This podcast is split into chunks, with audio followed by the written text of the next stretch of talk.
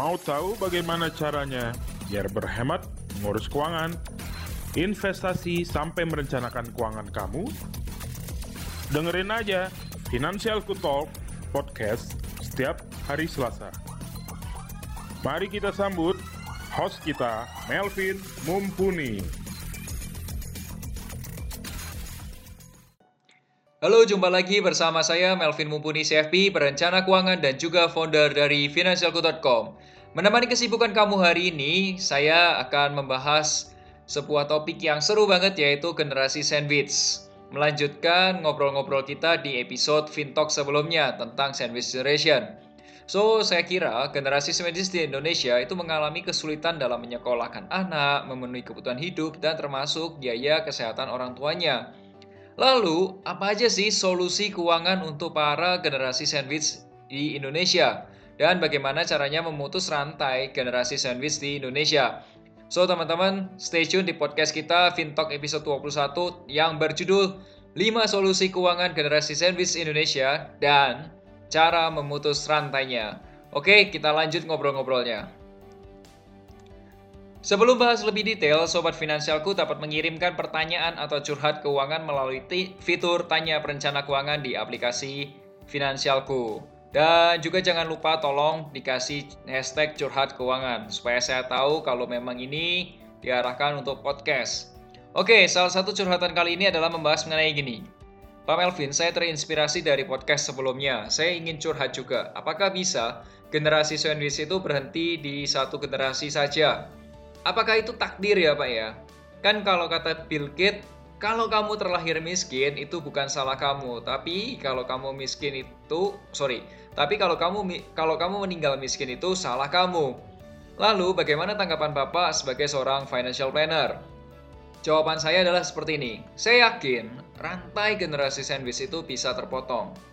Artinya, kamu perlu berusaha menyiapkan keuangan sehingga ketepannya tidak menyusahkan anak-anak kamu lagi.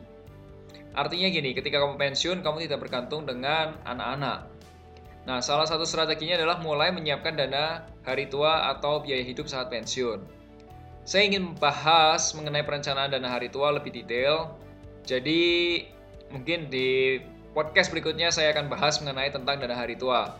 Tapi hari ini kita akan bahas mengenai tentang 5 solusi keuangan generasi sandwich Indonesia dan cara memutus rantai generasi sandwich Indonesia. Oke, so stay tune dan kita langsung aja bahas mengenai 5 solusi keuangan untuk generasi sandwich Indonesia. Ketika saya ingin membahas lebih dalam mengenai generasi sandwich, saya membaca salah satu artikel yang ditulis oleh Mbak Desi Kartika dari koran bisnis.com. Dalam tulisannya yang berjudul Memutus Rantai Generasi Sandwich, Mbak Desi membahas ternyata istilah generasi sandwich atau sandwich generation itu dikemukakan pertama kali oleh Dorothy Miller pada tahun 1981. Wah, ternyata udah sejak zaman dulu ya, udah ada istilah itu. Istilah generasi sandwich ini dipakai untuk menggambarkan orang-orang di usia parubaya atau dalam bahasa kerennya itu middle age yang terjepit dalam memenuhi kebutuhan anak-anak mereka dan juga orang tuanya. Tentu saja kebutuhan permasalahannya adalah kebutuhan keuangan biaya pendidikan dan biaya kesehatan orang tua. Dalam artikel yang sama, Mbak Desi memaparkan sebuah survei yang dilakukan oleh Pew Research Center pada tahun 2013. Pada riset tersebut disebutkan bahwa hampir 47% orang-orang yang berusia 40-50 tahun memiliki orang tua yang berusia 65 tahun atau lebih dan juga sedang membesarkan anak yang berusia 18 tahun atau lebih. Sekitar 15% di antaranya bertanggung jawab terhadap kebutuhan finansial orang tua dan anaknya. Saya cukup tercengang melihat data tersebut, ternyata banyak juga orang-orang yang terjepit di posisi generasi sandwich. Semoga dengan adanya podcast ini menjadi salah satu solusi buat para pendengar setia Sobat Finansialku dan teman-teman kamu di kantor. So, jadi saya coba petakan ada lima masalah utama seorang generasi sandwich, yaitu satu, bagaimana cara membiayai pengeluaran harian yang besar. Coba bayangkan jika satu orang suami bekerja dan menghidupi istri dan dua orang anaknya, serta kedua orang tuanya juga. Gimana ya tuh ya? Dan bagaimana cara membiayai biaya pendidikan anak mulai dari SD sampai lulus kuliah? Dan yang ketiga, bagaimana cara membiayai pengeluaran-pengeluaran terkait dengan kesehatan orang tua? Dan yang keempat, Bagaimana cara membiayai kebutuhan atau tujuan keuangan lainnya. Ya namanya orang juga pengen kan beli rumah, mobil, liburan keluarga, dan lain sebagainya. Dan yang terakhir, bagaimana jika terjadi sesuatu dengan dirinya, sehingga dirinya tidak lagi bisa bekerja dan mendapatkan pemasukan. Nah kali ini saya ingin membahas kelima masalah tersebut. Yang pertama, cara membiayai pengeluaran bulanan adalah dengan meningkatkan pemasukan. Kebanyakan orang Indonesia fokus mengandalkan satu sumber pemasukan yaitu penghasilan aktif atau active income. Artinya, dia bekerja keras menukarkan waktu, tenaga, dan pikiran, serta kadang-kadang perasaan juga untuk mendatangkan pemasukan. Banyak orang tidak memanfaatkan penghasilan investasi dan penghasilan pasif. Mungkin sobat finansialku sudah pernah mendengar penjelasan saya ini, tetapi kamu masih belum mulai berinvestasi. Oke, itu semua bukan salah kalian karena bisa jadi saya belum menjelaskan detailnya. Saya ingin bercerita mengenai Roy, salah satu agent insurance. Saya ingin menceritakan pengalaman Roy pada podcast berikutnya karena sangat-sangat menginspirasi menurut saya. Awalnya, Roy adalah agen asuransi yang tidak memiliki penghasilan tetap. Income Roy sangat tergantung pada omset penjualan polis asuransi. Ada suatu momen menjadi titik baliknya, kemudian mulai menekuni industri asuransi dan cara penjualan. Akhirnya Roy bisa melakukan penjualan secara rutin setiap bulannya.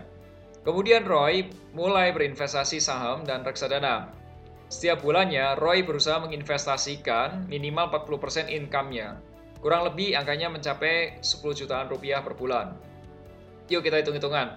Jika Roy mampu berinvestasi rutin selama 12 bulan ke depan, dan ceritakanlah ya, tidak ada kenaikan, tidak ada penurunan, maka investasi Roy di bulan ke-12 harusnya adalah yes, 120 juta. Betul? Nah, bayangkan nih, jika ada kenaikan investasi sebesar 12% per tahun, maka uang ROI itu akan bertambah menjadi 14,4 juta. Setidaknya bisa dibilang ada tambahan penghasilan sebesar 200. Lumayan kan ya?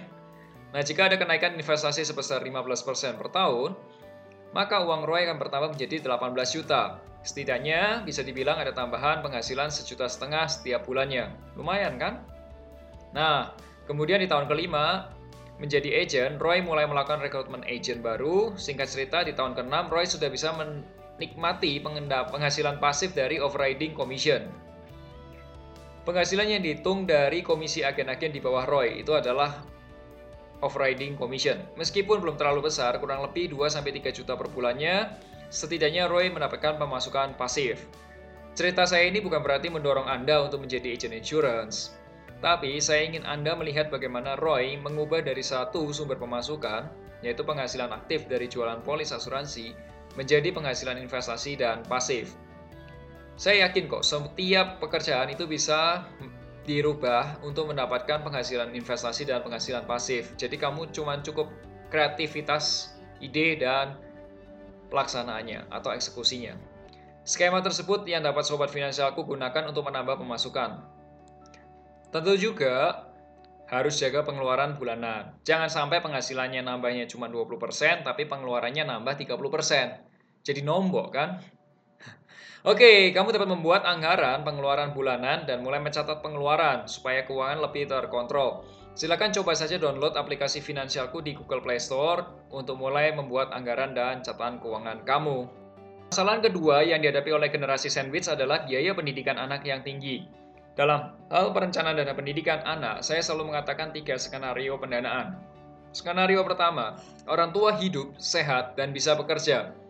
Pilihan pendanaannya ada dua. Satu, opsi pertama adalah tiba saatnya anak masuk sekolah, tidak ada uangnya, dan orang tua mengajukan pinjaman. Atau opsi kedua adalah mulai dari sekarang merencanakan dana pendidikan dan berinvestasi. Tiba saatnya anak masuk sekolah, uangnya udah tersedia.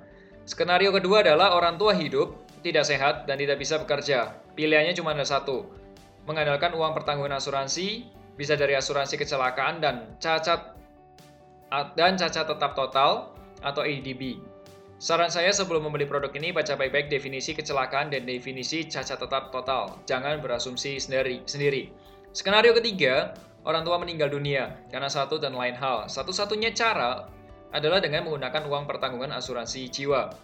Ketika orang tua meninggal, uang pertanggungan asuransi jiwa itu dicairkan dan wali si anak bisa menggunakan uang tersebut untuk didepositokan dan keuntungannya untuk biaya pendidikan. Sayangnya, tidak semua orang tua paham dengan skema ini.